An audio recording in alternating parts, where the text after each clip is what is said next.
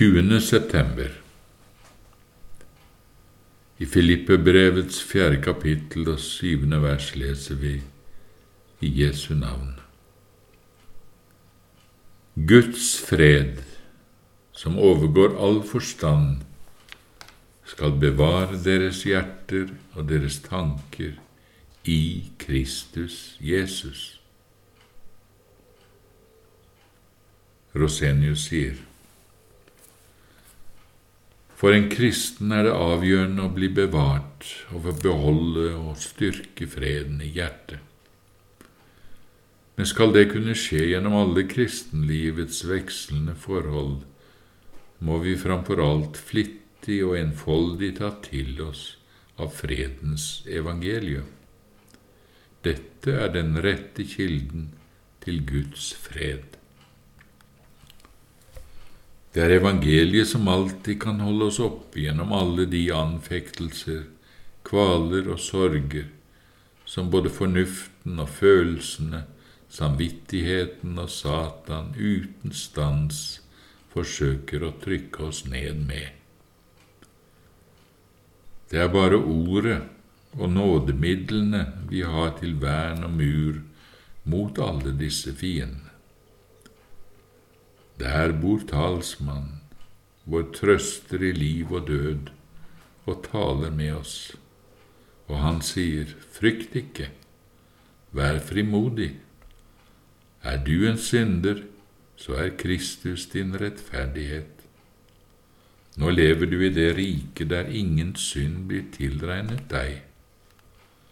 Nå lever du ikke lenger i et gjerningenes rike som regjerer over nåden men i et nåderike som regjerer over gjerningene. Du er for evig forsonet med Gud, og Han har sverget at Han i all evighet ikke skal bli vred på deg. Dette er Guds rikes fredsbasun, og uavlatelig må denne lyde i våre ører og hjerte hvis vi skal ha noen fred men gjennom Ordet trenger vi Herren selv. Vi må flittig be Den hellige ånd at Ordet må arbeide på hjertene våre. Pretorius sier, en kristen bør hver morgen straks han våkner, og stadig utover hele dagen sukke til Gud om at Hans fred, som overgår all forstand, må bevare vårt svake hjerte hjerte mot all ufred, som djevelens tyranni, verdens ondskap og mye annet kan kaste mot oss. Og hva ville det ikke betydd om Guds fred i langt større grad fikk dominere og styre hjerte og sinn hos alle kristne?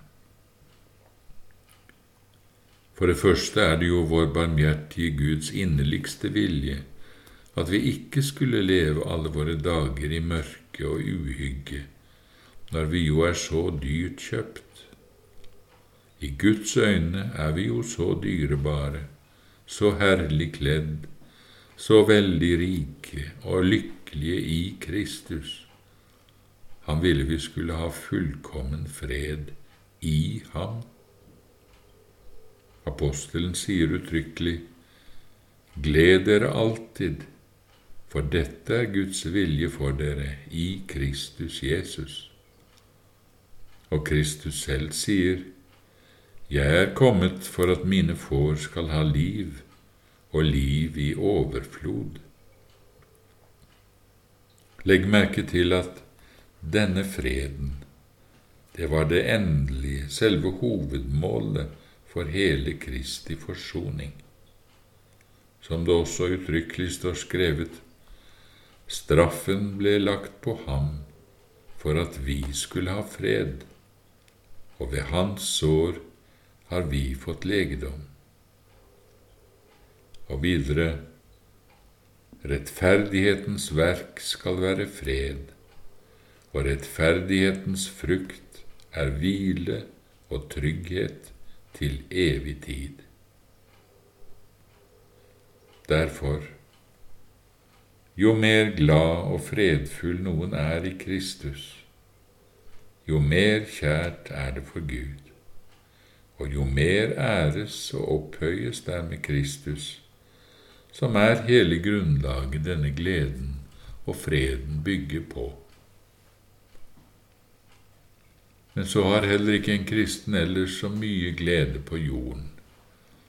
Der opplever han bare strid og angrep fra kjødet og djevelen og fra all verdens ondskap.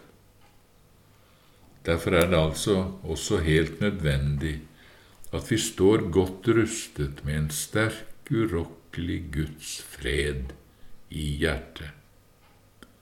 Som også Jesus sier når han avslutter sin avskjedstale til disiplene natten før han dør. Dette har jeg talt til dere, for at dere skal ha fred i meg. I verden har dere trengsel, men vær ved godt mot, jeg har overvunnet verden. Johannes 16, 33.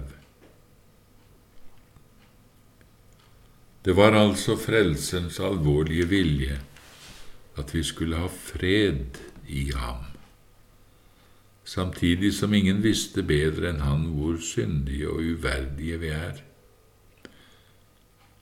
Men når han da likevel unner oss denne freden, ja, med dette som mål lider og dør for oss, trøster og taler vennlig til oss, for at vi skal ha fred i ham, da var det vel også på tide at vi slo oss til ro og var tilfreds på hans regning som små barn i sin mors armer. Men det er jo akkurat denne freden som framfor noe annet styrker og bevarer våre hjerter i Kristus, gir liv, lyst og kraft til alt godt. Som det står skrevet, Guds fred, som overgår all forstand, skal bevare deres hjerter og deres tanker i Kristus Jesus. Og gleden i Herren er deres styrke. Når jeg i troen har fred med Gud, da kan jeg gjøre og tåle hva som helst. Da kan hvem som helst være uvennlig mot meg når jeg er sikker på at jeg har Guds vennskap og gleder meg over den himmelske skatten, da kan jeg tåle å miste det som er kjært her på jorden. Har derimot hjertet mistet denne Guds fred, da står jeg svakt overfor alt, åpen for hver eneste fristelse. Det er derfor en sannhet hver eneste kristen må huske godt, at Guds fred bevarer hjertet, at gleden i Herren er vår styrke.